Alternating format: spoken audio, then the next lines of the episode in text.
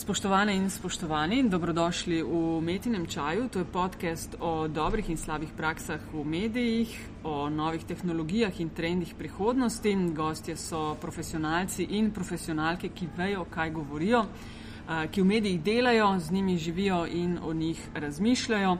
Gostitelja sva Nataša Briški Metina Lista in Naljaš Pengovitenc, Radio Chaos. V tokratni epizodi z mano žal ni Aljaža, ki je tako kot vsi pametni čez te prvomajske praznike si vzel par dni frej, ampak ker se je vmes ponudila ena krasna priložnost, tokratno epizodo vseeno snemamo. Gostja je Karmen Švegel, dopisnica RTV Slovenija, vojna dopisnica. Karmen, kaj, kaj ti je ljubše, kako te pogosteje naslavljajo? Naslavljajo vse mogoče, ampak verjeten dopisnica je čist, čisto kaj. Jaz mislim, da je pač poročanje z vojnih območij del mojega dela, pa, ne delam pa samo tega. Okay, z Aljažem smo se res zelo, zelo veselili tega pogovora, tako da mi je na nek način hudo, ker ne more biti zraven. Uh, ampak to sam pomeni, da bo še kakšna dodatna priložnost, ker ti prav pogosto v Slovenijo ne prideš, ne? koliko pogosto. Ja. Tudi nimaš nekega urnika vnaprej, ne? to je tako. Tako je. Uh, tam trikrat na leto, zdaj trudim se večkrat, ker vseeno rada pridem, pa obiščem malo prijatelja, pa tako pa grem na morje, kot vsi ostali. Uh, ampak uh, veči, večinoma pač moje obiske res narekujejo dogodki. Ne? In zdaj uh, nekako, uh, ne da bi bila to sreča, ampak kar se mojega dela tiče, se vsi ukvarjajo z potresom v uh, Nepalu in tako uh, imam nekaj dni uh, fraj, ker pač je bližnji vzhod malce v senci dogajanja. Ja, no, le Karmen, uh, preden greva naprej. Uh, deva za ljudje te absolutno poznajo v Sloveniji in vejo, s čim se ukvarjaš, ampak če nas lahko samo malo skupaj pelješ skozi to tvojo novinarsko kariero, ker ti študirala si čist nekaj drugega, ne?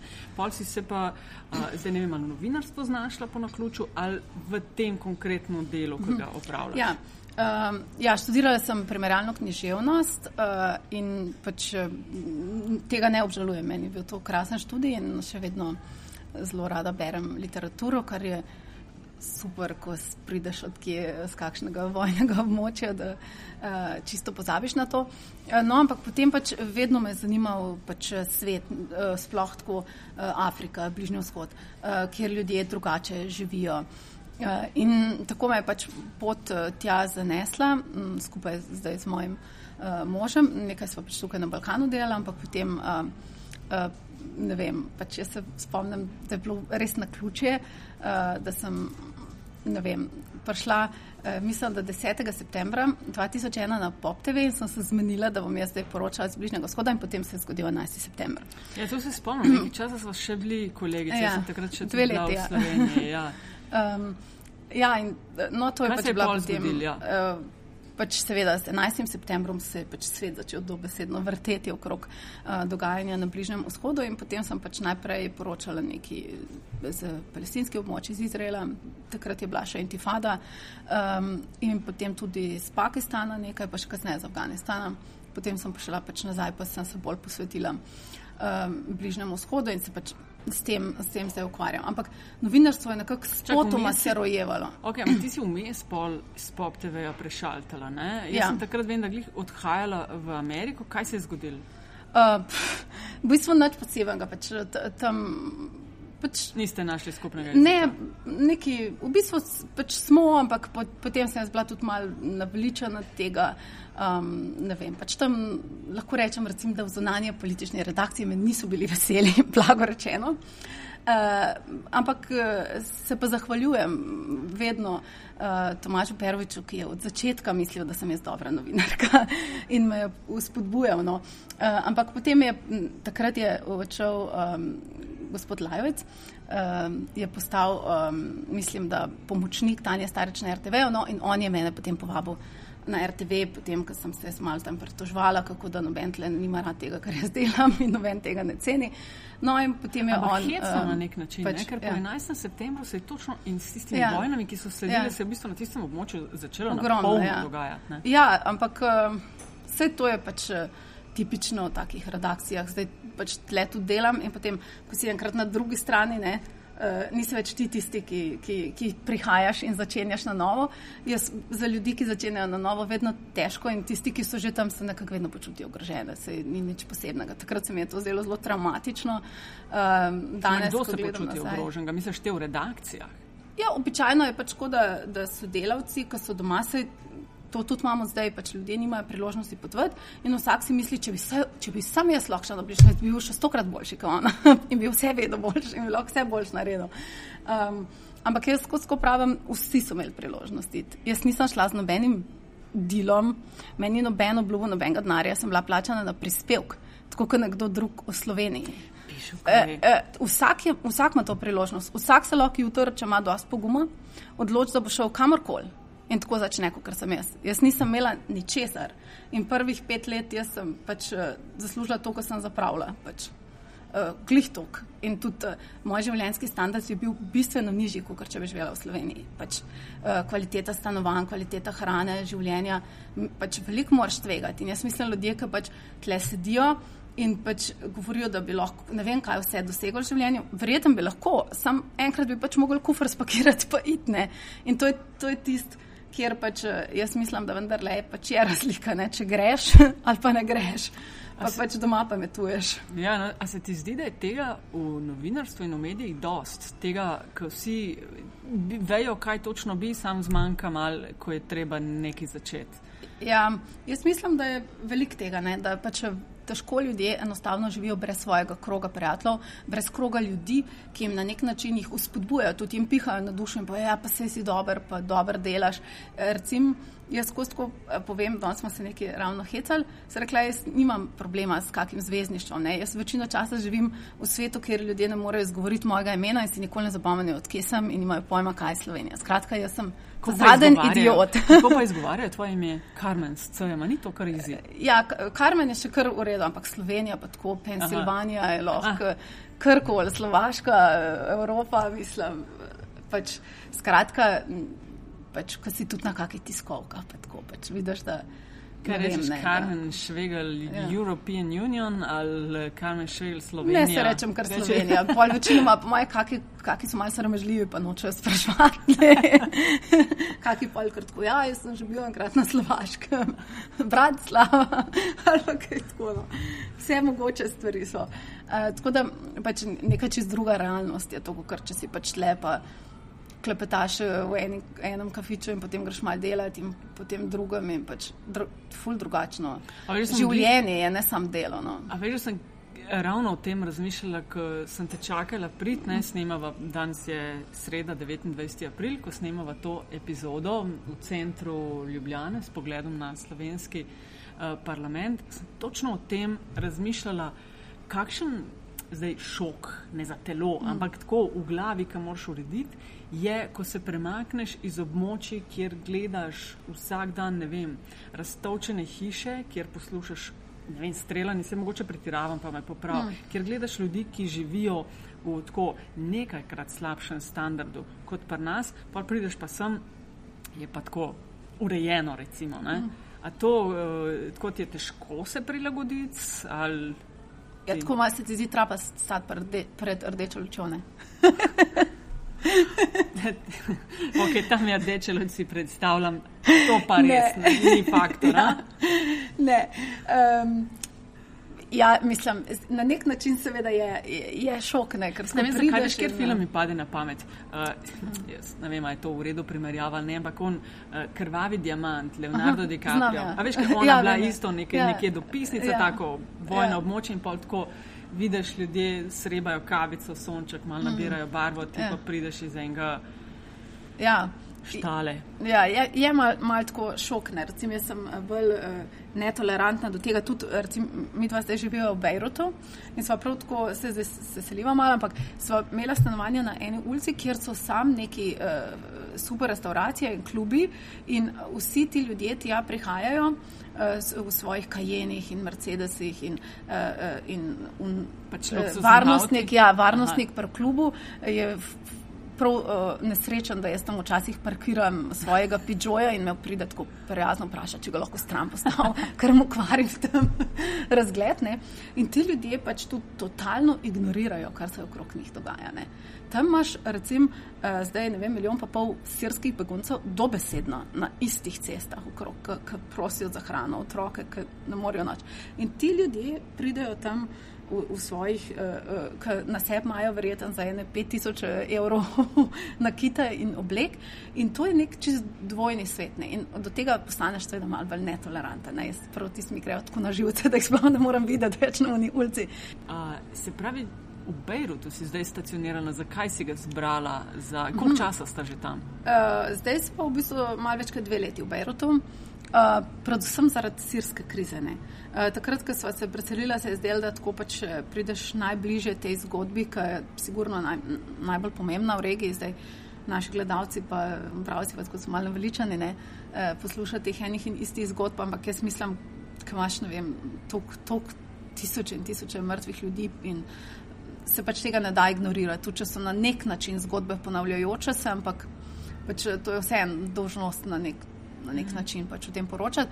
V glavnem, zdel se je, no, da, da, si, da si najbližje vsi ti begunci, v bistvu pač, ne vem, od Bejruta je Damasko daljen ur, pa pa vožnje, ne, tako da čisto tehnično si res izjemno blizu, ampak zdaj so pa razmere se tudi kar zaustrile na teh obmejnih območjih, veliko ugrabitev je, tako da v bistvu ne prideš več tako blizu, kot bi si pač uh, mislil, ne, da če si en, eno uro od meje, boš pa ja lahko skozi pač, uh, v kontaktu, ampak je, je kar težko. No. Kje so bili pa drugi kraji, kjer sta bila, zdaj um, pač to novinarstvo? Vse posod. se, se ustvarjate skupaj ne, ja. z Gunarjem, ki je tvoj mož, on je snimal za dansko.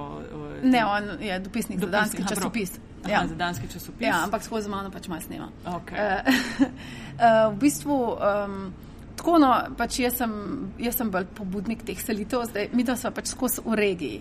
Tako da no, pe, v bistvu uredniki nimajo s tem pač težav. Tam, kjer si, pač si se itak, nikoli ne moreš biti vsem zgodbam blizu. In vedno se na Bližnjem vzhodu dogaja več zgodb. Tako da enkrat si pač imaš prednost, enkrat nimaš to prednosti. Ampak pač eh, na nek način je seveda naporno, da se seliš. Ampak na drug način pa ne bi nikoli mogel države tako spoznati, uh, kot če tam res živiš. Ne. Ker če si ti, ne vem, magari en ali pa dva meseca v hotelu, je še skozi drugače, kot če moraš vse tu stanovanje najeti, imeti upravka z elektriko, z vodo, z inštalatorjem. To je tisto, kar te postavi ja, za res v ja. lokalni ja, prostor. E, e, ogromno takih stvari. Tako da v bistvu sva živela v, v Kajru. Dvakrat ali trikrat v različnih uh, časih, um, potem v Jeruzalemu, v Tel Avivu, v Jordani, Še kje sem pozabila v Istanbulu. Kaj zdaj si omenila, ja. da se da ne, se v fazi selitve? Ustajava v Bejrutu, ampak sem malo bolj stanovanje zamenjala. Tako da še en let, pa pa mislim, da tri leta je pa res čas, da pol. Še kaj drugega vidimo, kako se kaj uh, spreminja regija. No. Ampak res pač meni se to zelo bogate izkušnje so se mi zdele. Um, pač, da, da, res, da, da res tiste vsakdanje težave ljudi uh, izkusiš. Tudi te razlike, recimo v Kajru. Jaz sem prvič v Kajru živela leta 2001. Uh, eh, no, in, uh, pač, ampak ne samo, da je to že ful časa nazaj. Tudi to, da sem jaz takrat imela bistveno drugačne finančne zmožnosti. Torej, sem mogla živeti točno tako, kot lokalci. Kar je izjemno naporno. Ne? Mislim, ti se res soočaš z vsemi temi težavami. In potem pač vidiš počasne, pa smo v neki drugi fazi živeli, mislim, 2007 in zdaj le na zadnje 2013, se mi zdi, e, tako te različne faze spreminjanja družbe, se to je bilo tudi recimo po revoluciji, zdaj počasno Mubaraka in revolucija, tako, tako da tudi te politične razmere so zelo drugačne, socialne, ampak tudi te lastna izkušnja, ker najprej si bil na dnu, pa nekje na sredi, zdaj pa, pa če jaz lahko počasno živim, kot drugi tujci nekako ne, ne zdaj, kot diplomati, recimo, tako kot drugi novinari. Uh, Nekaj v potem... sosedi tvoji v Bejrutu s tistimi 5000 ja. zlatnimi lanci in nekaj eni. Ja, pač podobno. Ja. V glavnem, eh, tako da pač izkušaš te različne družbene razlike, ampak seveda tudi država se spremenja v tem času. Ne, ne vem, v Egiptu vsako leto je, mislim, da 9, 900 tisoč prebivalcev več, tako da v dveh letih ogromno. Uh, Bagdadu, no, uh, Libanon? v Libanonu, ja, ne, mesto prav, Bejrut. Eh, Bejrut, Koliko ima- mislim, da je, mislim, da je Če, če ne eh, šteješ 2 zraven vse milijona. te uh, begunce, ki so zdaj prišli. Ne, Ampak o, tako, dva milijona. Ja, 2 milijona. Mi se skozi tako govorimo, da je dvakrat več eh, prebivalcev kot Slovenija in država je enkrat manjša, tako da je zelo naseljena ne? in še vsi ti begunci. Tako da zdaj imaš recimo, vsak četrti prebivalec je begunc. In to je, tega si mi mislim, da ne vemo točno predstavljati, kako bi izgledalo, če bi zdaj vsak četrt le na ulici pač bil begunc. Ne? In to niso ljudje, ki dobivajo kakokoli podporo v resnici, ampak so res prepuščeni pač sami sebi. Si sploh ne znam predstavljati, pišu, ka, kakšna kriza je ja. Ja. to. Sej, a veš, spremljaš to poročanje, ampak tako, kot si ti rekla, ne, to res moš tja Ja. ja. živeti, da ti prav občutek dobiš. Ne. Sploh, ko si to omenjala. Uh, veš, eno je prihajati na območja, pa ne vem, biti en mesec v Ja. hotelu ali pa en vikend. To sem podobno jaz občutila z Ameriko. Ne. Velikih pride na obisk, ne. Pa pridejo, ne vem, v New York, pa LA, pa Miami, pa kakšen Chicago, pa mogoče še kakšen Washington vmes znajde. Ne? In wow, zdaj pa vemo, kaj Amerika je in kako tam živijo. Težko si predstavljaš, koliko zares pa to je. In šele takrat, ko začneš tam živeti, ko se začneš ukvarjati z ne vem, rihtanjem kabelske, v lokalno trgovino, gledati lokalne programe, da tiste prav, ne vem, Ja. 3D ali 4D ali Ja, ja. kakorkoli občutek prostora dobiš. Ne? Ja, vse to ne, ko veš, koliko je treba, kje je dati podkupnine, da se kaj zrihta. No, koliko, povej, kakšne so cene. Ma tako, no, Kakšne saj so tarife? Ni tako hudo, ampak tako za internet dobiš že kakih 50-60 dolarjev, ne, da, da niti treba čakati zdaj pol leta ali pa kaj ne, pa pa še vmes kaj za spodbudo. Pa kaj to, mislim, jaz nimam s tem veliko izkušenj. No? E, Kako to zgleda? To prav tako, vsi veste, da ta igra to tako je. ja, in sem še rečeš, kar neki narodna, ne. Ne, tako moraš malo tako intimno baldati, ne moraš kar tako neki. Moš to, dati veš, v bombonjero ali pa tako se malo delati, pa reči, joj, ker ste bili tako prijazni, tako sem vesela, hvala za vso pomoč. Tle smo vam eno čokolado, pa še malo za vaše otroke prinesli. Ojej, a, a ti to tako gre od rok, ali si se bolj, bolj bila te sorte, da si se mogla priučiti? A Veš, to je tako, kot Ja. ja. greš, recimo, ne vem, ko greš v Turčijo na tiste ja. njihove tržnice, ja. pa skačejo vate, recimo, Ja. ja. jaz sem tiste sorte človek, ki mi to gre na živce. Ja. Enim je pa to super. gre. ja, ne, enim je pa to super, a veš, No, pa znajo trgovati. Ja, tako, recimo barantanje je meni super, mi je, mi je v Ano, veselje. pol si no. nekako rojena. Tako da mi je čisto redo. No. Včasih tle tudi kar neki barantamo okrog, zdaj se vsi smejijo. No, a te kdaj, ko prideš iz unga okolja, pa ko tam pač moraš barantati, Ja. te kdaj kle odnese, ko vidiš, ne vem, majčka 20 evrov, pa rečeš, gospa, 10 vam dam. Tako, tako ne, ampak sem pa bila ravno včeraj z mojo sestro in smo si dvo, kupili čevlje v Italiji in sem kar rekla, zdaj smo pa dvo, dvoje čevlje kupili, ne bodo dobile popust. Še eno boršo. Ja. In, in smo res pa torbico zraven dobile. Vidiš, do rezikaš, para, kruha, se, a res. Ja. Moja sestra je, prav, je bilo res uh, zanimivo spremljati to, mislim, da bolj kot samo nakupovanje ta dogodek. Kaj bi rekla, preden se še malce bolj zakopljava v tvoje Ja. delo, da je tisto, kar te je naučilo, kar te je življenje tam naučilo in si zaradi tega, ne vem, boljša, veš, več, drugačna. Kaj je tisto, kar se ti zdi, da boš najbolj odnesla od tam, če se boš kdaj preselila nazaj v Evropo? Ja, zagotovo pač ta odprtost do ljudi, ki so drugačni, do, do tega, da ne obsojaš ali pa ne kritiziraš vsega, kar je, kar je izven norm, ki smo jih navajeni. Recim, ne. Slovenija je še vedno dokaj zaprta država, tudi če gledamo tujce. Zdaj, če ne vem, se dva eh, čoranca sprehaja, da bi vsi verjetno gledali za njima. Ne. Pač, še skozi je pač država, ki je zelo na nek način, čeprav sred Evrope in tako prepletena, na nek način zaprta. Uh, pač ljudje so zelo navajeni tega, jejo to, kar pač vejo in poznajo, kako se je treba obleči, vejo, kako se je treba obnašati. Skratka, vse je jasno. Um, tako da ta odprtost se mi zagotovo zdi, pa pa so pa še tudi druge take stvari, ki se mi zdi, da je, da je fajn, da se nekih eh, eh, stvari izven teh šablon tega, kar, kar verjamemo, da nekako, s čim smo odrasli, da se tega uh, naučimo, pa da s tem živimo, pa potem mm. prenašamo to naprej. Recimo.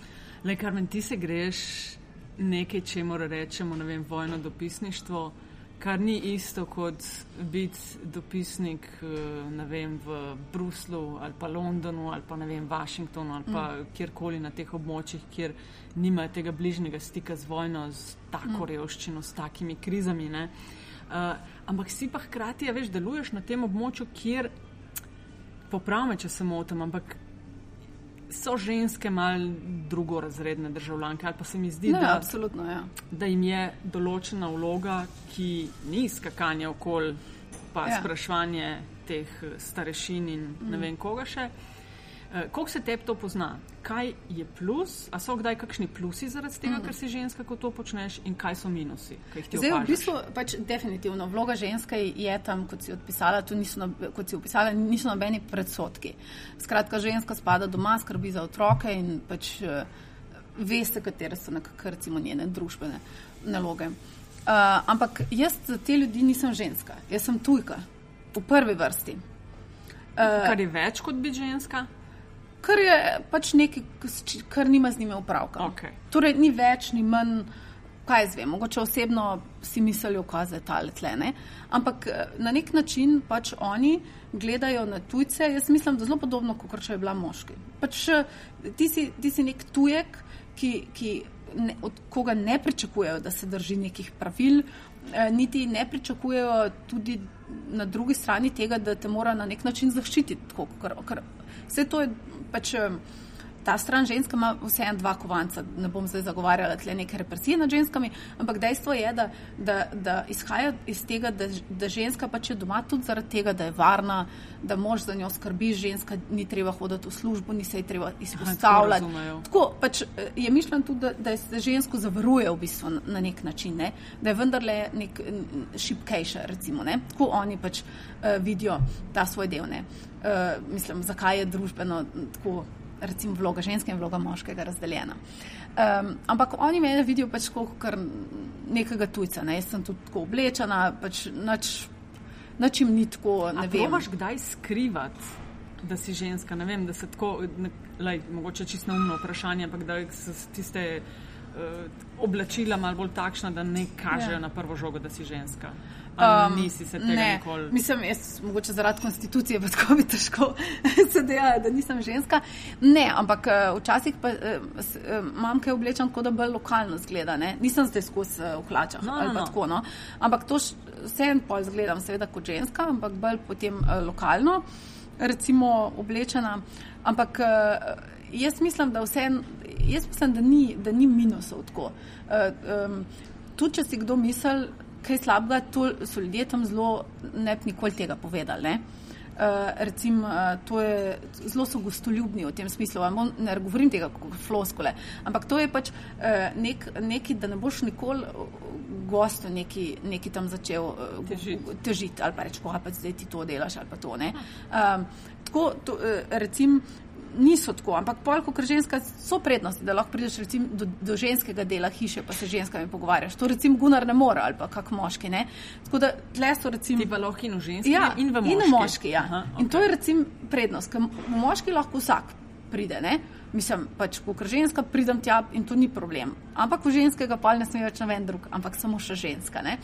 E, tako da to je prednost, pa včasih se mi že tudi zgodilo, kaj bilo nečim polna e, soba moških novinarjev, pa se me skotla kaj vprašati, pol un mene vpraša, ker sem bila mogoče edina ženska ali pa dve ženski. Tako da, ker je ženske vseeno manj, ne? tudi tujih je? novinark je manj. No, to, kakšno je kaj razmerje, tako nauč? Recimo 20%. 20 Aha, da je 80. vsaka peta, recimo, ja, dopisnikov ja, zdaj več kot uh, prej. No? Ampak uh, pač. Um, ja, več kot se spomnim na začetku, ampak še skozi pač je razmerje tako, no, uh, da je bistveno, bistveno več moških uh, na teh koncih sveta. Um, ampak tako se mi je skozi del nekako v redu biti, biti ženska. Mislim, Ni, novinarka, ni ne- bil nek ne. handicap. A Veš, kaj doskrat se to reče, upišu, kaj ne vem, vojno moč in to na unem koncu, Ja. tja pa ajde moški Ja, ja. gre poročati, da ker bi znala ženska imeti dodatne težave. Ja, ne. ja. ja, ne vem, se mi ne zdi tako. Včasih edinče je bilo tako, kaj zelo res fizično napornega. Uh, pol je- je kdo rekel, ja, pa boš lahko ti tole ali pa Recimo primer? ne. Ja, ne vem, recimo, če ko smo nek, mogli neki, enkrat recimo smo bili v Afganistanu, pa je bilo treba ful plezati.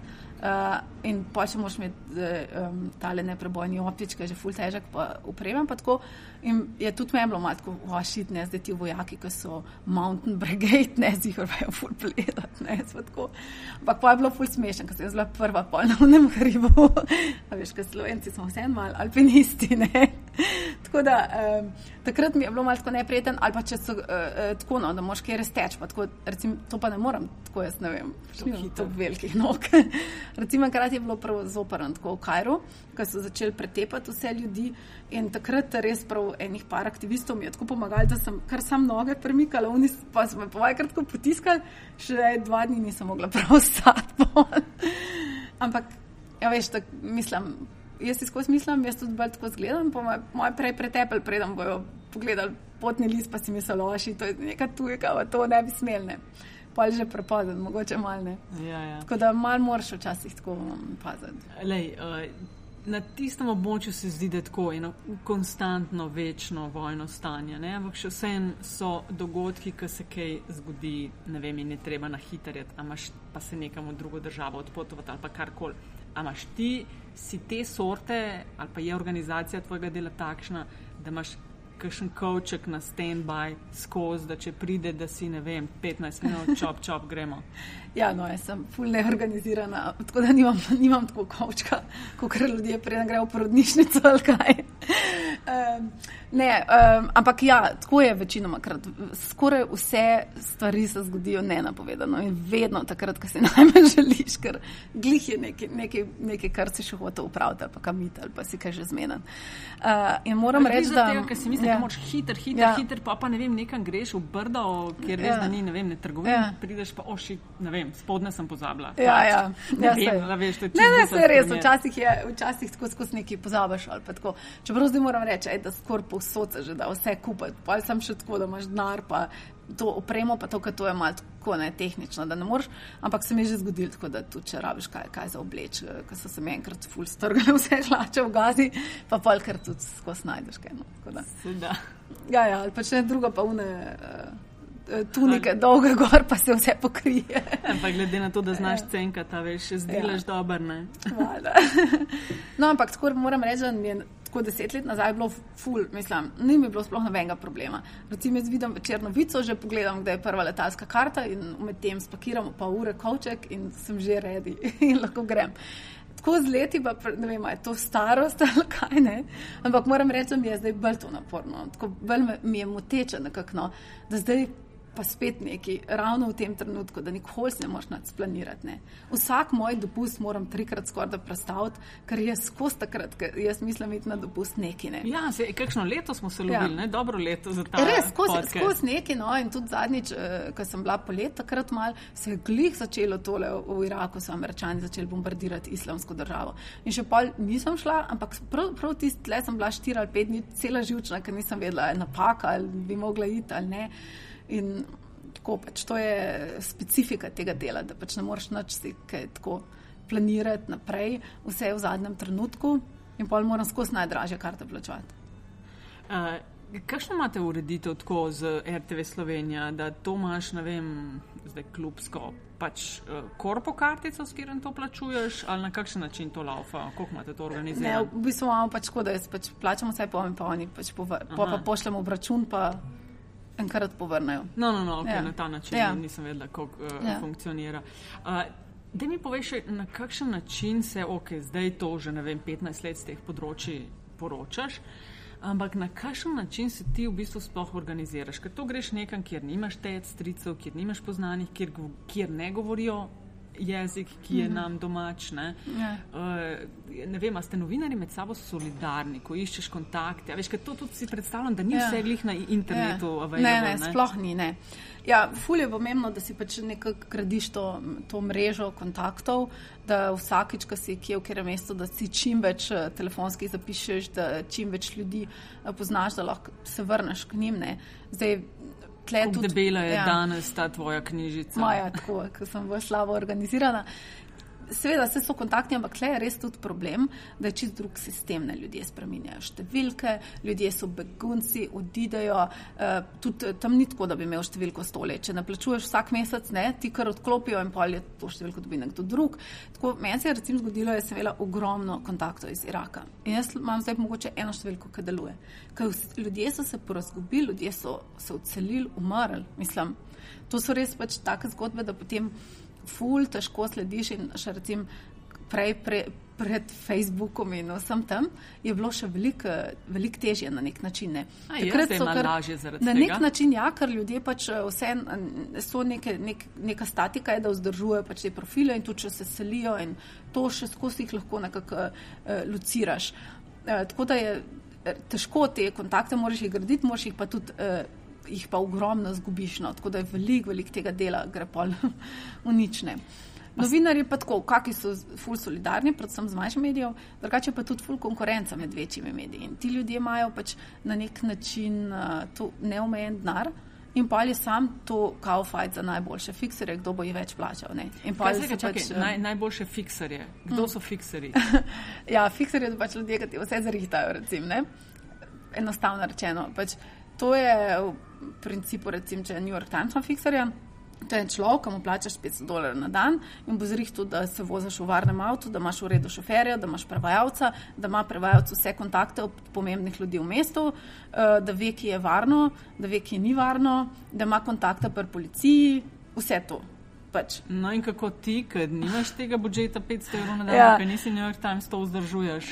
Jaz pa si kaj pa pomeni, da bolj več poprijateljim s kakim študentom, ki mi kaj pomaga, pa tako no.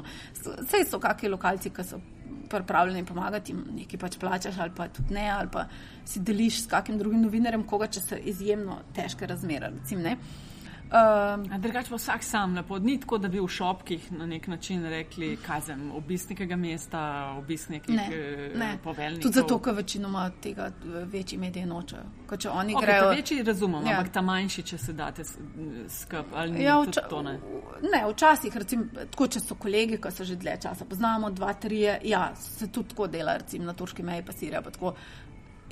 Seveda, ne, pa si tudi lahko razdeliš enega, ki mu plača 100 dolarjev na dan, če so tri, ne, pa ni tako, da ne bi mogel, ne, ker, ker pa moraš na kakih območjih, ni, ni važno, če jaz govorim arabsko ali ne, ali ne vem kaj.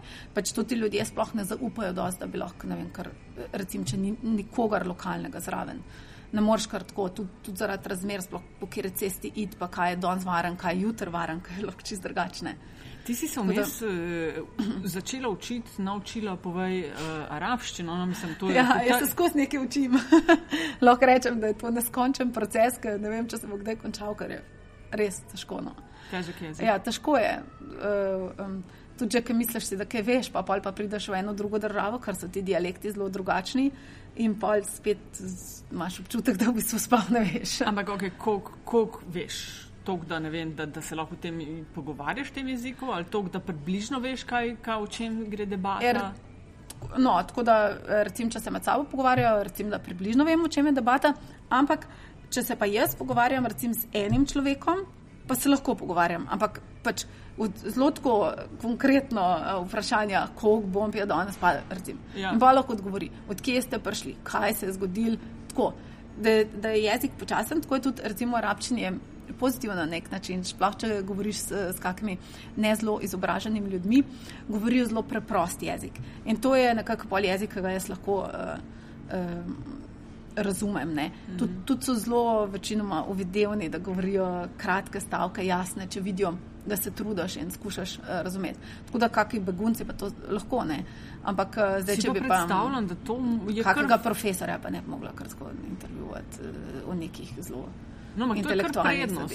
To je tako, kar mislim, imam občutek, da zelo cenijo. Je, je, je zelo pomemben, ker je v bistvu kar heca na bližnjem vzhodu, da niti uh, dopisniki velikih medijev ne govorijo jezikov, jezika običajno. Nikoli, v bistvu, kot poznam. Ne. Pač je enostavno, pač pretežko, no, mislim. Ker to bi pol mogel ti en službo obljubiti, pa ti dati 5-6 let, da bi se najprej jezik naučil. To je pa vsem pol, mislim malo preveč naporno. Glih ne investirajo. Ja, ne? Ne, ne.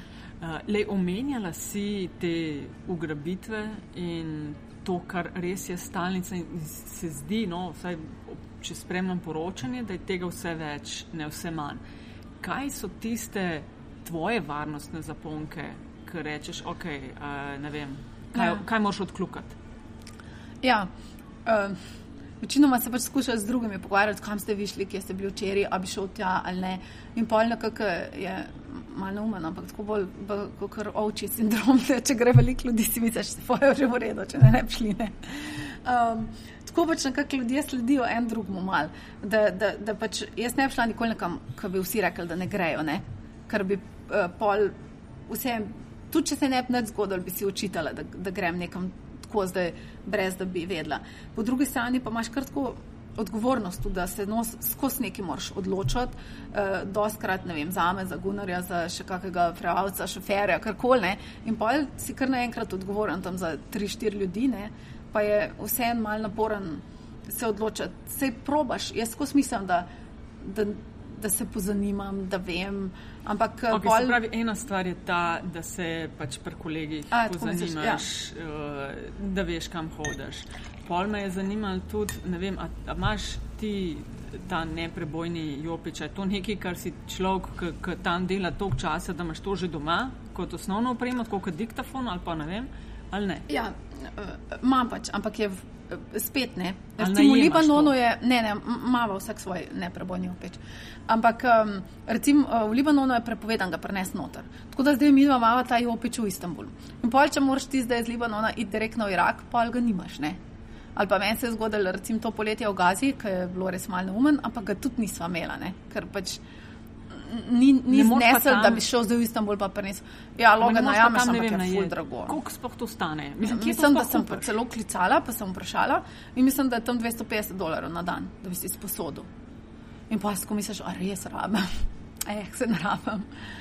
Nisem. Koliko je pa stal za kupiti, pa kje to ne, kupiš? Ni, uh, ja, tizga, jaz, sem kupila, jaz sem kupila v Izraelu. Uh, Kaj to greš v trgovino? In... Ne, sploh ne vem kako. En mi je pač povedal v medija centru, ki je cifra, ali pokličeš. Uh, pa pač tako smo imeli nek, nek lagar doma in so tam imeli fulčalat. Pa, uh, Teh jopičev, mislim, da je na tisoč dolarjev nekaj tazga. Ja, Kako je pa to težko? Ja, moje kar težek, ni tako ta, ta najbolj modern. Uh, pa to meni pet kil, po mojem. Aha, to. Okay. Ja. Mislim, nisem nikoli še imela s tem opravka, se ne, da bi si želela, ne, ampak. Se je eh, včasih pač. Ne vem, je že prav, da, da ga imaš, ne, ampak nisi pa treba iluzij delati, da ti bo to zdaj skozi nekaj rešilo življenje. Ne. Mm. Pač to je pač tista varnostna uh, zaponka, ki jo zapreš, uh, da si ne počitev. Ne. Uh, veliko ljudi tudi zaradi zavarovalnic, mm -hmm. ker zavarovalnice recimo ne bi krile. Če... Ja, kako imaš pa to urejeno? Ja, tako nekako. Uh, Na približen. Ja, mislim, pri nas je pač škoda, oh, upimo, da se nam ne zgodi. pa pa ne vem. A sta oba dva tako eh, razmišljata, ali je kdo od vaju bolj, ej, mislim, da bi mogla to poskrbeti, pa da je mal drugače ali kaj zven? Ja, Gunnar je sigurno malo bolj previden, pa malo bolj tako. Sej on prav skozi, da sem zato, ker jaz tako silam, da drugače ne bi bil. Ampak je ne. Sej... Kaj drugače ne bi bil vojni dopisnik? Ne, drugače ne bi bil mogoče tako, tako da mora vedno me nazaj vleči.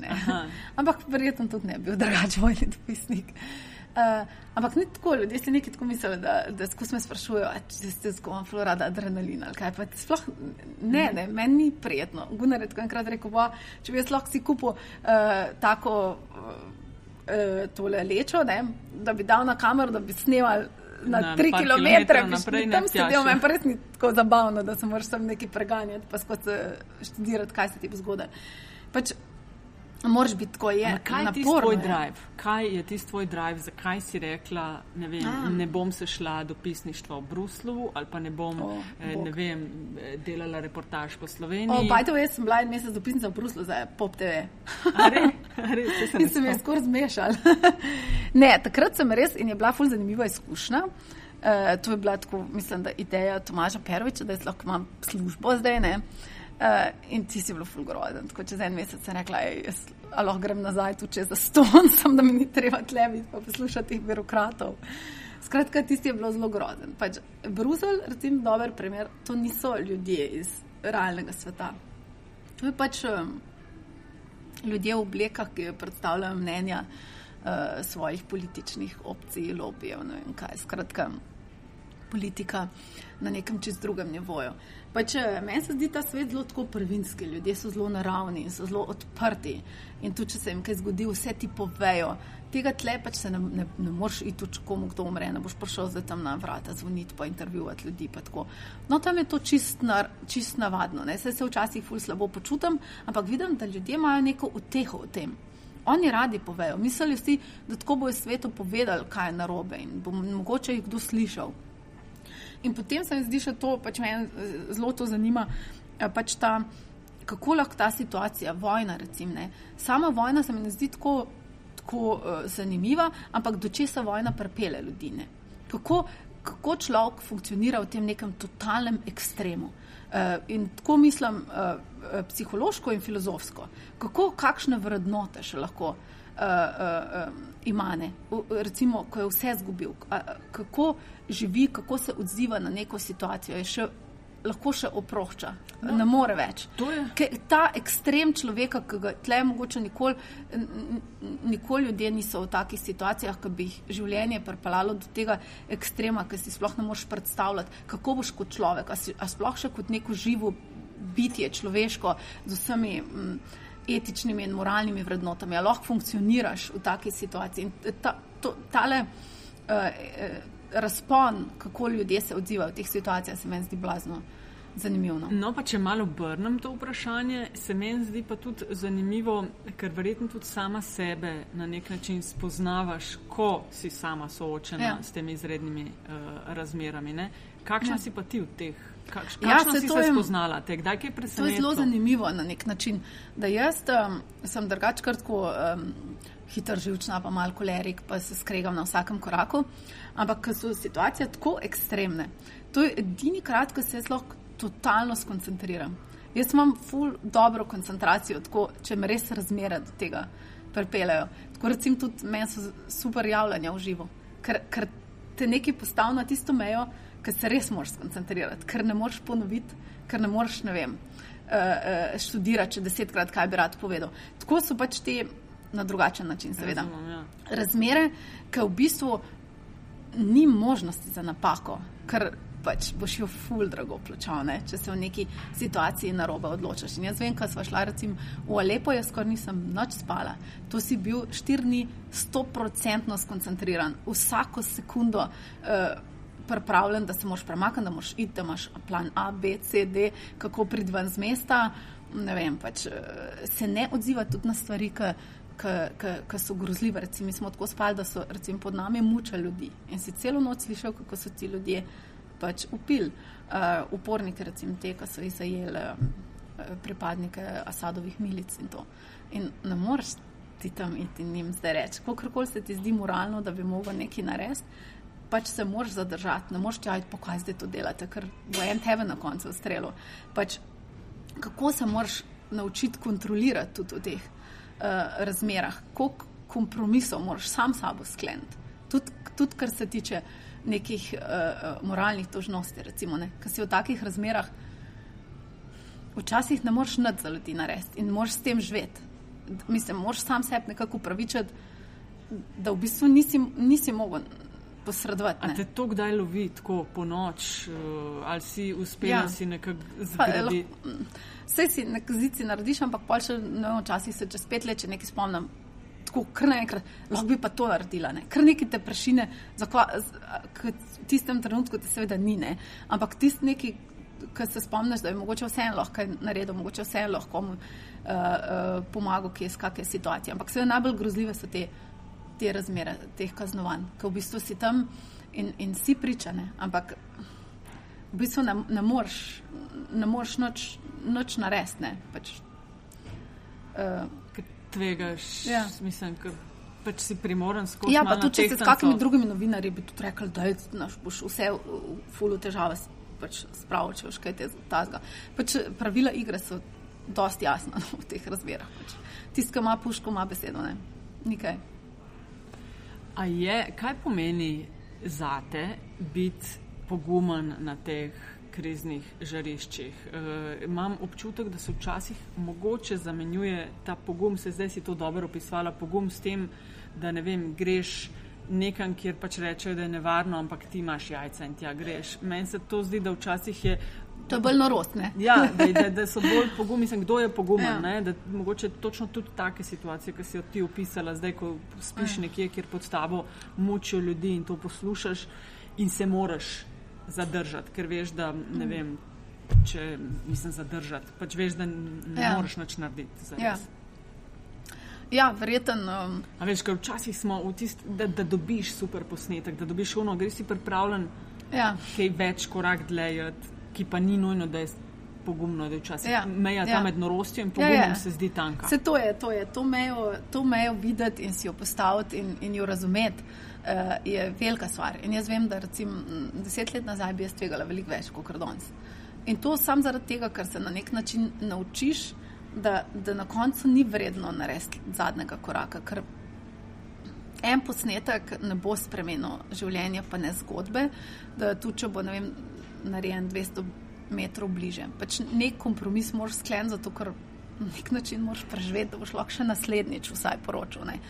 In to je pač eh, tisto, kar se z leti, z leti naučiš, da, da, da pač ni več pogum to, točno to, kar si rekla, da greš najdle in da si vedno uh, tam. Ker jaz se prav zdaj spomnim kar nekaj kolegov, ki so bili pol ugrabljeni, ali pa ne vem, ko je en španski kolega odličen poročevalc, ampak po ne vem, devetih mesecih v ujetništvu ti ne moreš več poročati. Pol si pač moraš iti nekam drugam živeti in pač on tudi, ne vem, mislim, da je na tajskem zdaj pač dopisnik. Skratka, pol tega ne moreš več delati.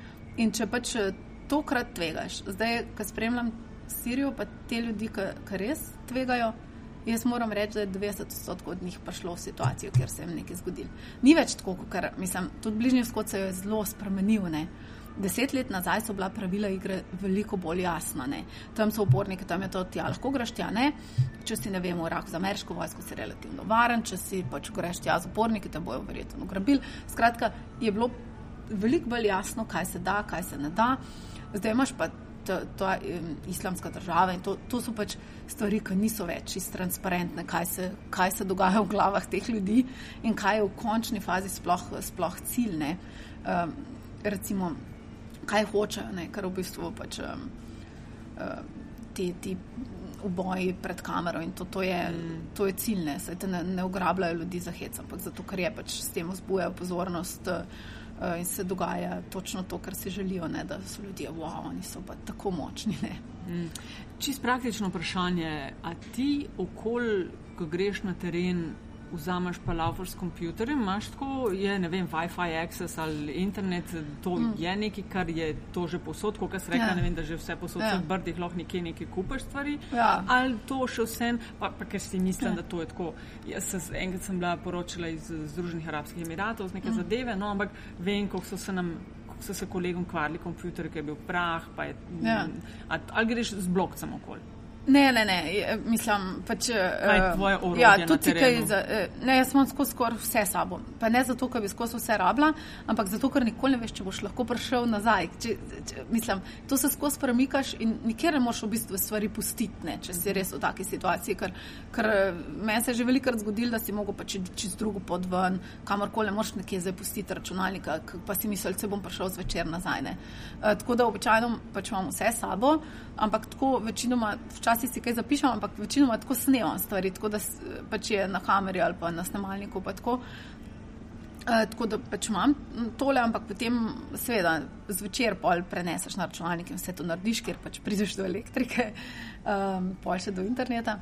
Ne, eh, v teh krajih je zdaj, v mirnih časih je večinoma povsod internet, elektrika, vse. Ampak zdaj glede na to, da poročaš pač s krajev, kjer niso razmere normalne, pa tudi noč ne dela običajno. Eh, Zdaj v Siriji smo imeli tako, ne vem, eno uro na dan elektriko, recimo, ko so generator laufali, pa je tudi zelo primankoval goriva, eh, tako da se je šparali, ne, se tudi so gorivo večinoma porabili za bolence, pa pač tako, no, zato ker so res rabili. Um, internet pa tudi ti big ME, pa to, ne, ti satelitski internet. To je tako, kad odpreš, pa se pol tako povežeš z internetom. Kako se reče, kako se temu reče? Bigem.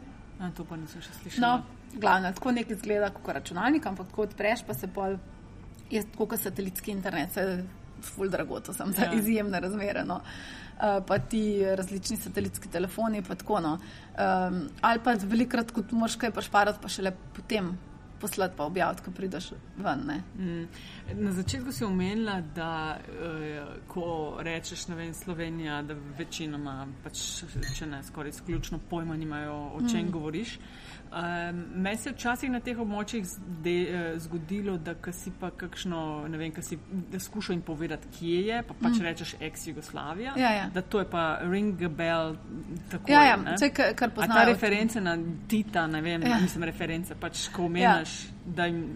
No, neki v teh krajih je, je kar še skozi ne Jugoslavija, tudi neovrčeni, ne vem, uh, Egipt pa v Iraku so kar poznali, ampak zdaj pol ne ker ni bilo več Sadama, pa je pa ni bilo več tako zanimivo. Ne. Pa tudi kar nekaj so ljudje vedeli to, za te um, vojne na Kosovo, pa v, v um, Bosni, ko so bili muslimani žrtve. Ni, pač, tako, nisi več bil zihar, da, je, da bo delovalo, kje, kje je tako. No. Ampak recimo v Egiptu pa tako še skozi, ja, kar spoznajo. Bi, bi rekla, da zdaj je v bistvu od vseh območij, iz katerih poročaš, da je v Siriji najbolj nevarne razmere za novinarja? Za vse ljudi, za novinarje, lokalce, kogarkoli. Sirija je tista, Jaz mislim, je... da je Sirija najhuje, ja. daleč od vsega. Včasih tudi tako. Uh, ljudje v Gazi sem bila vprašana, ja, kako je v Siriji, tako slabo, kot tlemi. Je prav tako neprijetno reči, jo, mislim, se vem, da je vam hudo, ampak to ni primerjave, kako je, kako ja. je v Siriji. Se je pa tebi zgodilo ena tako ob poplavi kakšnih neprijetnih stvari, s katerimi si se bila primorana soočati, tudi v Iraku, bližnje srečanje skoraj smrtjo. Ti si bila, ti si bila, de, lahko samo upišeš ja. na kratko, da tiskaj mogoče ne ve. Ja, za, na nek način je bila to za me zagotovo najbolj traumatična situacija, pa edina, ko sem resnično razmišljala, da bi uh, se ne bi več z novinarstvom ukvarjala ker sem mogoče za intermeco, jaz ne vidim na nek način sebe kot neke tipične novinarke. Jaz pač poročam z bližnjega vzhoda in pač to vem in se v to razumem. In pač ne vem, mislim, da ne bi dobro tle funkcionirala, no, pač okay. ne vem, ali pa kje drge. Pač jaz sem bolj novinarka zato, ker počnem, recimo poročevalka. Pač to vem, ne vem, kako bi v nekem drugem območju bila, če bi zdaj pač se prijavljala na razpise, pa vsaka štiri leta poročala s kje drge. No. Um, zdaj pa k Iraku. Ja, um, pač eh, tam smo snemali več dni in nikoli se ni nič dogajalo, in cel dan smo bili okrog uh, s temi uh, ameriškimi vojaki in so pač obiskovali različne hiše, sprašvali, če kaj tih utapijo, tam orožje ali pa streljivo ali pa karkoli, nikoli ni noben nikogar videl. No, in potem, ko smo se pelali zvečer, je že bilo temno, nazaj proti vojaškemu oporišču, je um, pač razneslo obcestno bombo, mislim, da je bilo 300 kg eksploziva in je cel ta avto pač vrgalo v zrak in vsi, ki so bili v avtomobilu, so bili mrtvi. Med drugim tudi prevajalci, ki so ga pripeljali samo zato, da je prevajal tudi uh, za naju. Uh, grozen je bilo tudi na nek način zato, ker tik preden smo se pelali, je vprašal ta, ki nas je spremljal, da je pač eh, pridel v naš avto, ki je bolj varen, ne? ker pač ta emrap velja za bolj varen avto, kot je Humvee, recimo ta full velik Emrap, ki je. Uh, ampak pa sem si rekla, eh, zdaj, če cel dan se že vozimo v tem Humveeju, pa bomo ostali tam vse, vse en. Um, ampak pol je pač, ja, pač ta avto raznesel in so vsi umrli. So vsi bili res zmedeni, ker ti ljudje so pač bili tam šest mesecev in se jim nikoli ni prej nič zgodilo. Tako da, ko se je to zgodilo, ni noben vedel točno, kako odreagirati.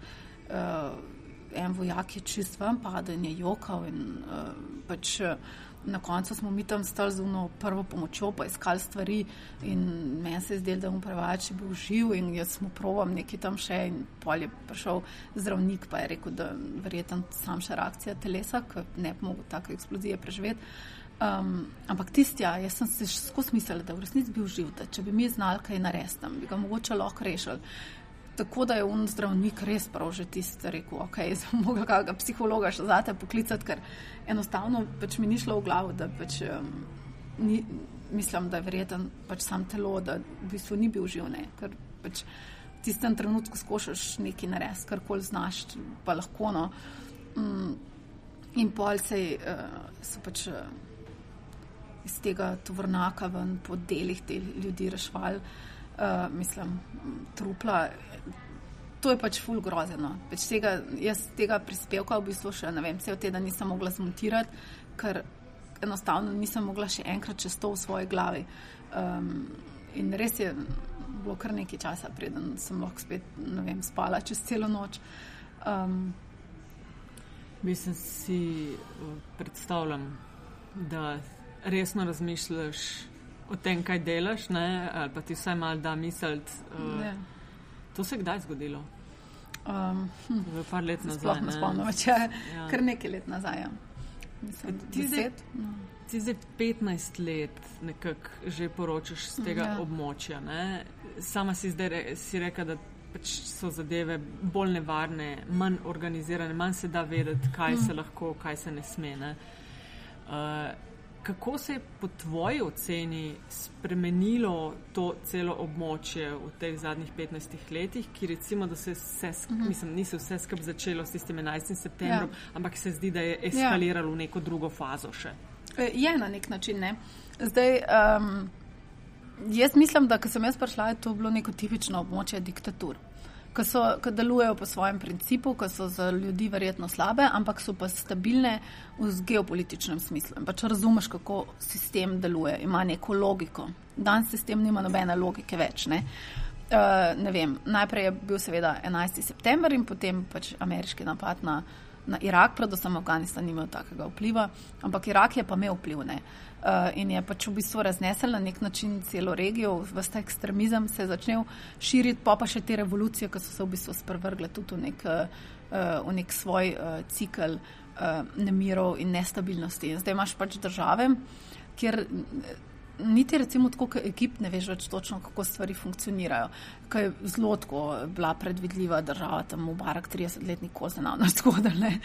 Um, noč, kar bi te presenetila, razen da bo umrl, mogoče ne. Uh, in potem uh, tudi tam, recimo, zdaj neka, neka nova diktatura se oblikuje in točno ne veš, kakšna so pravila igre. Ne. Tudi so novinari že zaprli, zdaj neke vize hočejo nove uvajati. In potem, da ne govorimo sploh, ne vem, Irak, Sirija. Jemen, zdaj mislim, ni konca tega, ne Libanon je po mojem na robu tega, da se razpočne s temi, temi begunci, ker z njimi tudi prihajajo vsi ti um, uh, skrajneži, pa različne oporniške skupine in pa se oni med sabo začnejo tam uh, streljati. Uh, pač v bistvu imaš nek čuden sistem. Zdaj večkrat pač posem jasno je, da tam posredovanje uh, Georgea Busha pač je regijo vrglo v neko novo realnost. realnost. Ampak zdaj je vprašanje, koliko je neaktivnost Baracka Obama pripomogla k izboljšanju razmer. Ne? To je tisto, kar se skozi eh, zastavlja. Ne? On ni hotel ponavljati eh, napak, ne? jih je pa na nek način pustil. Ni, ni, pa, ni pa rešil nobenih težav.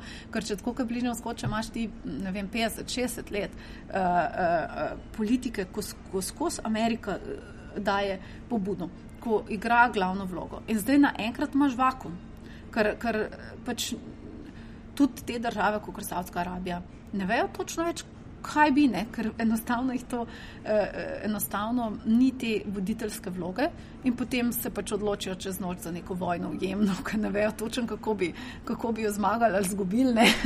Mislim, pač zelo nepredvidljive stvari se dogajajo, ker, ker eh, pač tu, tukaj je pač Obama naredil več korakov nazaj ker je nekako mislil, da bo s tem pač popravil napake uh, uh, Georgea Busha, jih pa, jih pa s tem ni. Ne. Je pa s tem seveda se regija še bolj poglobila uh, mm. v, v nek uh, kaos. Uh, in zdaj pač ne vem točno, kako se bo to razvijalo naprej. Ker, uh, Eh, vse države so zdaj na neki prelomnici. Ne? Ali, mislim, ta Sirija ne more v neskončnost biti tako, ne? Nek, neka odločitev mora biti sklenjena in potem imaš to paniko zdaj, da bo Amerika sklenila ta uh, sporazum z Iranom. Recim, to je glavna stvar zdaj. In uh, ta smešna debata, da je samo Izrael proti, je pač. Uh, ni res, ne, tle imaš vse arabski svet, ki se tega boji. Ne, ne za, no, toliko zato, da bojo imeli bombo, ampak zato, da bojo zavezniki američanov, da bojo s tem rešili Asada, da se bojo šiti ukrepili, ta večno šitski, sunitski spor se samo še stopnjuje. Ne, tako da tle se čisto oblikujejo neki, neki novi spori, ki mislim, da jih pač nekdo iz uh, Washingtona ne vidi čist točno, ne, kako, recimo ta, ta dogovor z Iranom. Mislim, da tle te posledice različne v regiji niso posem, mm. posem jasne. Da mi povej, katere vere priporočaš, da beremo, spremljamo tisti, ki nas recimo malo bolj zanima vedeti o dogajanju ja. tam. Kje, a veš, to ja. je različnih verov, ampak ja, zdaj se to je zanimivo. Zdaj je treba skoraj tako mar brati z rezervo, skoraj vse vire, razen tih zelo establiranih, ne vem, New York Times, Guardian, ne. Ampak tudi Guardian, recimo, se sooča z zelo velikimi finančnimi težavami, tako da nima več toliko dopisnikov. Uh, ampak uh, potem je pa treba bolj tako, če hočeš res bolj natančno vedeti stvari, uh, je treba vedeti, uh, s kom so ti viri povezani. Ne? Zdaj, recimo, če gledaš Al Jazeera ali pa Al Arabijo, jaz srcem skozi berem, moraš dobro vedeti, da je Al Jazeera financirana od Katarja, da je Al Arabija financirana strani Saudske Arabije. Vsi dajo informacije ki so večinoma pravilne, faktualne, ampak kako razložijo jih, kako jih utemelijo, to je pa potem eh, nekaj drugega. Ne. Tako da ti lokalni mediji so zelo dobri, ker imajo ljudi na tleh, ker večina tujih medijev nima več, niti največjih. Tudi eh, New York Times pa tako mora preživeti s tem, da intervjuva eh, preko telefona lokalce ali pa eh, plačuje nekomu, za koga ne ve točen, če je čist kredibilni vir, ne. nekoga, ki ga ni mogoče nikoli srečal, ki je pač v Bagdadu ali pa v Sani. Ne. In um, uh, ti arabski mediji, lokalni, imajo seveda svoje vire, ampak. Uh, Kateri so, arabski lokalni? Ja, recimo, se, to sem zdaj imela, Al Jazeera, Al Arabija, okay. uh, Al Hayat, drugače pa ja, ne več tako, ne. ker pa niso več niti tako dostopni. So tako, so, je pa kar nekaj teh uh, blogerjev, ne, tudi to prenašajo ti moderni mediji zdaj, da imamo z veliko uh, odročnih krajev ljudi, ki pač svoje lastne izkušnje uh, opisujejo v blogih, v tvitih. In to so zelo zanimive informacije, ampak so pa skoncentrirane na tisto kraj, na tisto mesto, na tisto ulico, na tistega človeka. Ja. In to je tisto, kar je treba, uh, jaz mislim, vzeti v zakupne. Da ne moš tega, teh informacij, ki ti zdaj dobiš poslušati in z tega reči, ah, to se dogaja zdaj ujemno. Jaz sem videl v njej napisal, da tako je, ne vem, v ja, tretji ulici tam v Sani. Ja, ja, ja. To je pač eh, potem očividec, ki je en in predstavlja sebe, večinoma, ali pa svojo družino v najboljšem primeru, ne pa eh, družbe ali pa države. Če omenila si Twitter, ti si na Twitterju, sem te jaz grešila, nisi? Ne. ne. uh, jaz sem mal bolj tako uh, neaktivna, ampak. No, ampak imaš pa odprto. Kanal Twitter, imaš. Ne, Gunnar, maj bolje. Aha, pa pol njega šprinemo. Oh, okay. ja. uh, si se predvidevam, da ja, e, moraš soočati tudi s kritikami tvojega poročanja. E, ja, kaj ti rečeš? Kaj si pro-palestinska, pro-izraelska, kaj te najbolj, če ja. te najbolj obtožujejo? Um, Največkrat ali pa najbolj. Ja, jaz, uh, zdaj, tako čist, uh, recim, ne vem, mislim, da me ne, ne obtožujejo tako zelo direktno, da sem pro to, pa, pa če se s tem zelo tudi uh, razmišljam veliko o tem, kako o tem poročati. Ne. Recim, mislim, da druge stvari so pri nas zelo tako neproblematične. Zdaj, jaz mislim, da nima tle Asad, ne vem, koliko privržencev, ki bi se spravljali lame. Ampak izraelsko-palestinski ja, spor pa je zagotovo najbolj spolitiziran in ima tudi neke določene, uh, um, kako naj rečem, notranje politične Eh, debate tukaj sprožane. Eh, tudi zato, ker recimo ne samo v Sloveniji, ampak v Evropi vidimo eh, ta razvoj druge generacije muslimanskih priseljencev z muslimanskih držav, ne le palestincev, ampak tudi drugih, ki so ti ljudje so bili, ko so se njihovi starši preselili so prišli kot revni, neizobraženi, niso se znali aktivira, aktivirati v družbi. Ampak zdaj smo videli prvič, eh, recimo po skandinavskih državah, v Nemčiji, v Avstriji, skoraj povsod, ko je bila ta zadnja vojna v Gazi poleti, da so se ti ljudje znali odlično aktivirati, organizirati proteste, narediti proteste po internetu. Um, tudi aktivirati nek eh, del publike, recimo neka levica, ki vedno protestira proti vojni. Ne. Pač neko publiko aktivirajo in potem to postane del neke notranje politične debate, ki je sprožila tudi debato v Evropskem parlamentu in tako naprej. Tako da imamo zdaj tle nek, nek palestinski lobby, ki se oblikuje ki, ki je veliko boljši, prej so recimo Izraelci medijsko vojno lahko vsakič zmagali. Zdaj vidimo na drugi strani, da se ta palestinski eh, eh, medijski lobby recimo aktivira in je vsakič boljši in s tem pač tudi res veliko pripomore k temu, kar unika pač rakete pošiljajo pa bombe, pač ne vem, ne, težko aktivirajo simpatijo na, na Zahodu, ne? ne glede na to, da so podrejeni, da so, da so žrtve, karkoli že. Tako da jaz se pač uh, trudim biti objektivna, ker res mislim, da je pomembno tudi prikazati drugo stran. Jaz mislim, da ni dvoma, da si palestinci zaslužijo državo, da jo morajo dobiti, da so žrtve tega konflikta. Ampak obenem mislim, da bi bilo narobe govoriti, da Izraelci zdaj že zjutraj za zajtrk pobijajo palestince, ker jim je to smešno ali ne vem kaj ne. Ampak pač je neka, uh, neka seveda v Izraelu neka paranoja, ki ima neke zgodovinske temelje mislim, to je pač treba jim dati. Ta, tam, če se pogovarjajo z ljudmi, še vedno je vsak človek, skoraj vsak slehrni človek, ima vsaj enega človeka, sorodnika, družinskega člana, ki je bil ubit, ki je bil pregnan, ki je vse zgubil. In ti ljudje pač še skozi je neka paranoja, da se to lahko njim še enkrat zgodi. Tako da ta vera v to, da ne smejo niti treniti z očesom in bo en izkoristil in, in ne vem, kaj jim naredil, to je dejstvo. Mislim, to pač obstaja. Oni to res mislijo in verjamejo. In uh, če z te perspektive gledaš, nekako razumeš te uh, reakcije, kot so. Jih ne upravičuješ, ampak jih razumeš. In jaz mislim, da je pomembno ta konflikt vsaj razumeti v kontekstu, kot ga razumejo tam ljudje, ne kot ga mi gledamo z naše perspektive.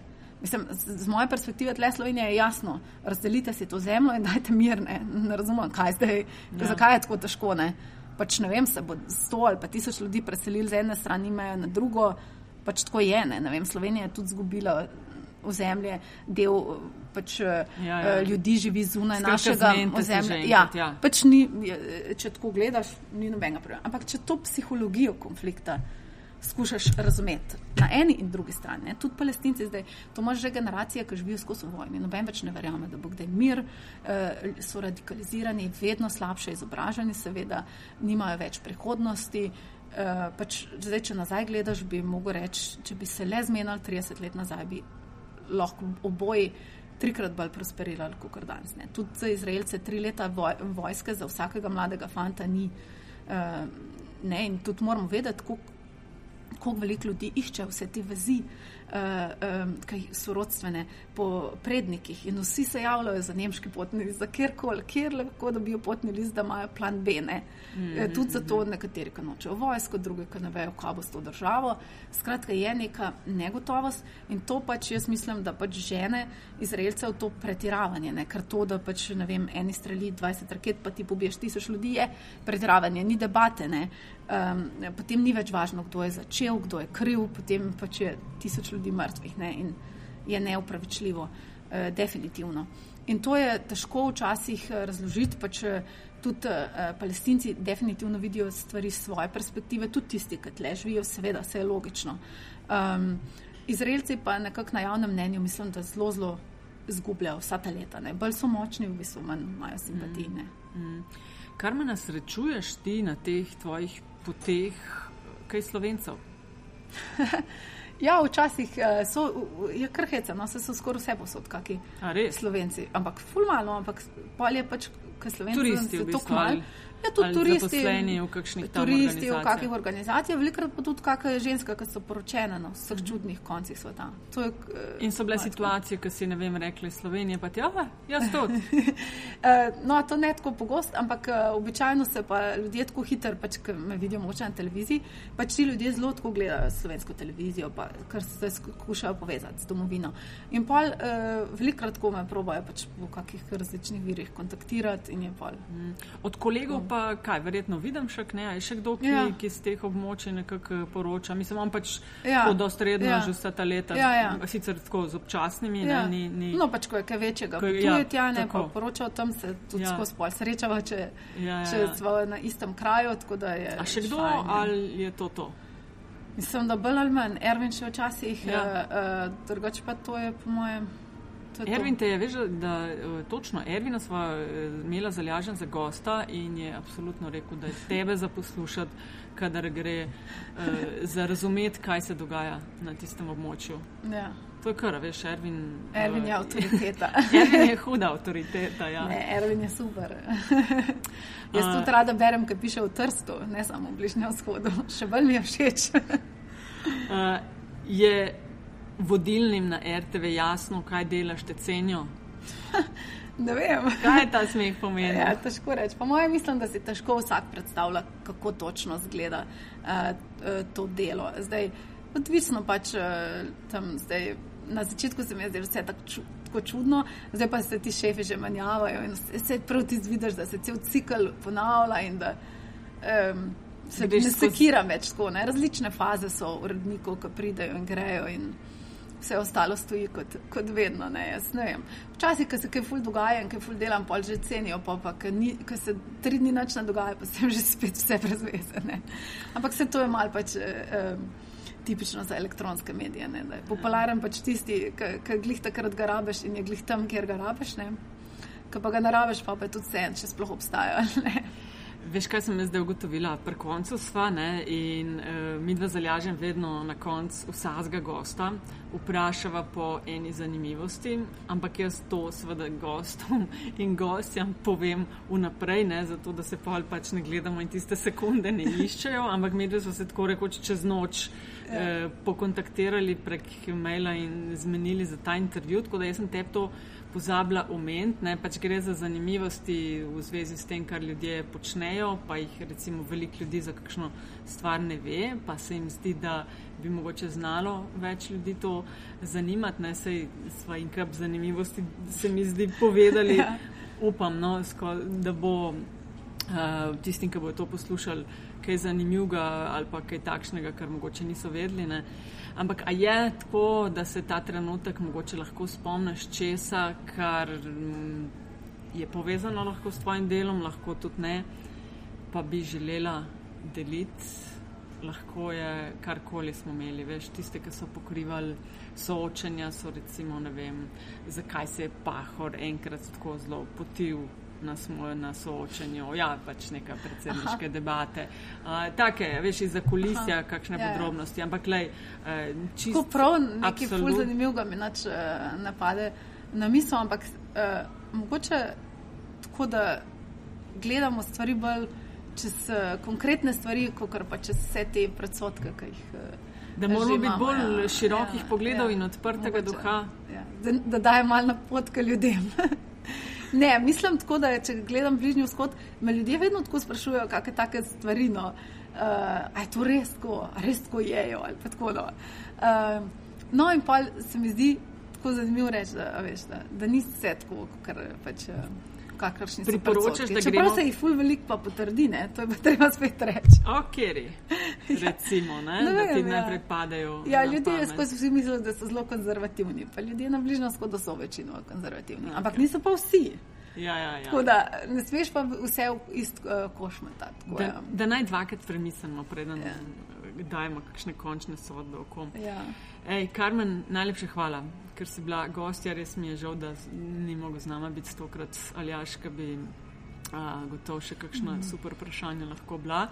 Uh, želim ti nač uspešno delo obema vama eh, naprej, pa da uh, si previdna, da poskrbiš za svojo varnost, to ti mami verjetno vsakeč znova. Ne?